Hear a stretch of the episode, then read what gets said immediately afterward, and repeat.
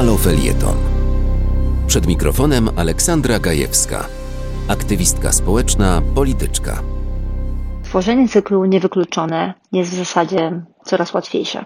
I mówię to z żalem, bo treść tego podcastu, tego felietonu z coraz większą nonszalancją dyktuje mi samo życie. Barbara Nowak.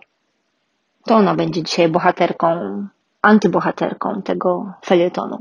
Kuratorka oświaty z piekła rodem. Zaprzeczenie etosu nauczyciela. Reprezentuje ona wszystkie, absolutnie najgorsze cechy tej władzy. Ksenofobia, homofobia, umiłowanie hejtu i nietolerancji. I na wstępie taki cytacik z Barbary Nowak. Warszawska deklaracja LGBT to propagowanie pedofilii. Tak, ona naprawdę to powiedziała. Rzecznik Praw Obywatelskich wezwał później władzę do wyciągnięcia konsekwencji służbowych. No dajcie spokój. O jakich konsekwencjach mówimy, kiedy pani kurator jest członkinią Rady Politycznej Prawa i Sprawiedliwości? I ona sama stwierdza, że nie będzie poprawna politycznie i nie będzie kryć swoich poglądów. Ale wyskoków pani kurator było niestety więcej. Ona wzywała na dywanik nauczycieli za warsztaty antyprzemocowe. Innym razem na przykład nagradzała kibiców Legii za powstańczą oprawę ukazującą chłopca z pistoletem przy skroni. Czasem blokuje też spotkania w szkołach, na przykład mm, to spotkanie z profesorem Osiatyńskim, ale też przeważnie rozpoczyna wszelkie świeckie, szkolne wydarzenia od uroczystości w kościele. I dlaczego ona znalazła się akurat w tym tygodniu w naszym cyklu Niewykluczone? Za porównanie Uniwersytetu Jagiellońskiego do Agencji Towarzyskiej.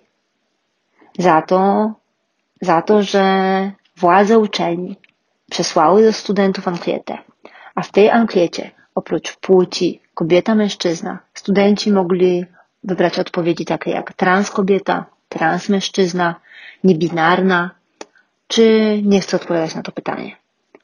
Powtórzę. Agencja towarzyska. Tak został podsumowany Uniwersytet Jagielloński. Zaszerzenie tolerancji, zaszerzenie otwartości, za wrażliwość społeczną i uszanowanie praw młodych ludzi. A zaczęło się od tego, e, że screen ankiety z dumą, nie z oburzeniem, opublikowali w internecie sami studenci. Nasza uczelnia jest otwarta na każdego, stwierdził jeden. Inny dodał nawet, że oczywiście w ankiecie nie brak jest słabości.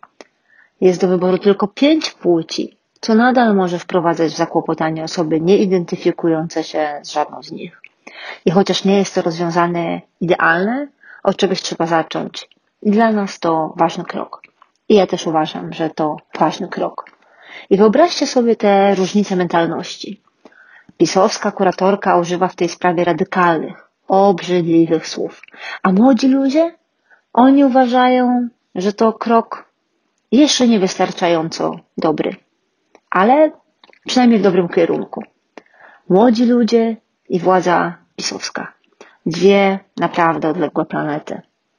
Jedna to oaza tolerancji, szacunku, a druga to świat nienawiści. Świat tworzenia społecznych rozłamów, szczucia. No i dobra, zapytajmy, czy te planety kiedyś się spotkają, w ogóle mają taką szansę? Niewykluczone, ale myślę, że będzie to naprawdę ciężkie zderzenie z rzeczywistością.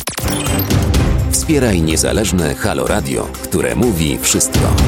www.halo.radio ukośnik SOS.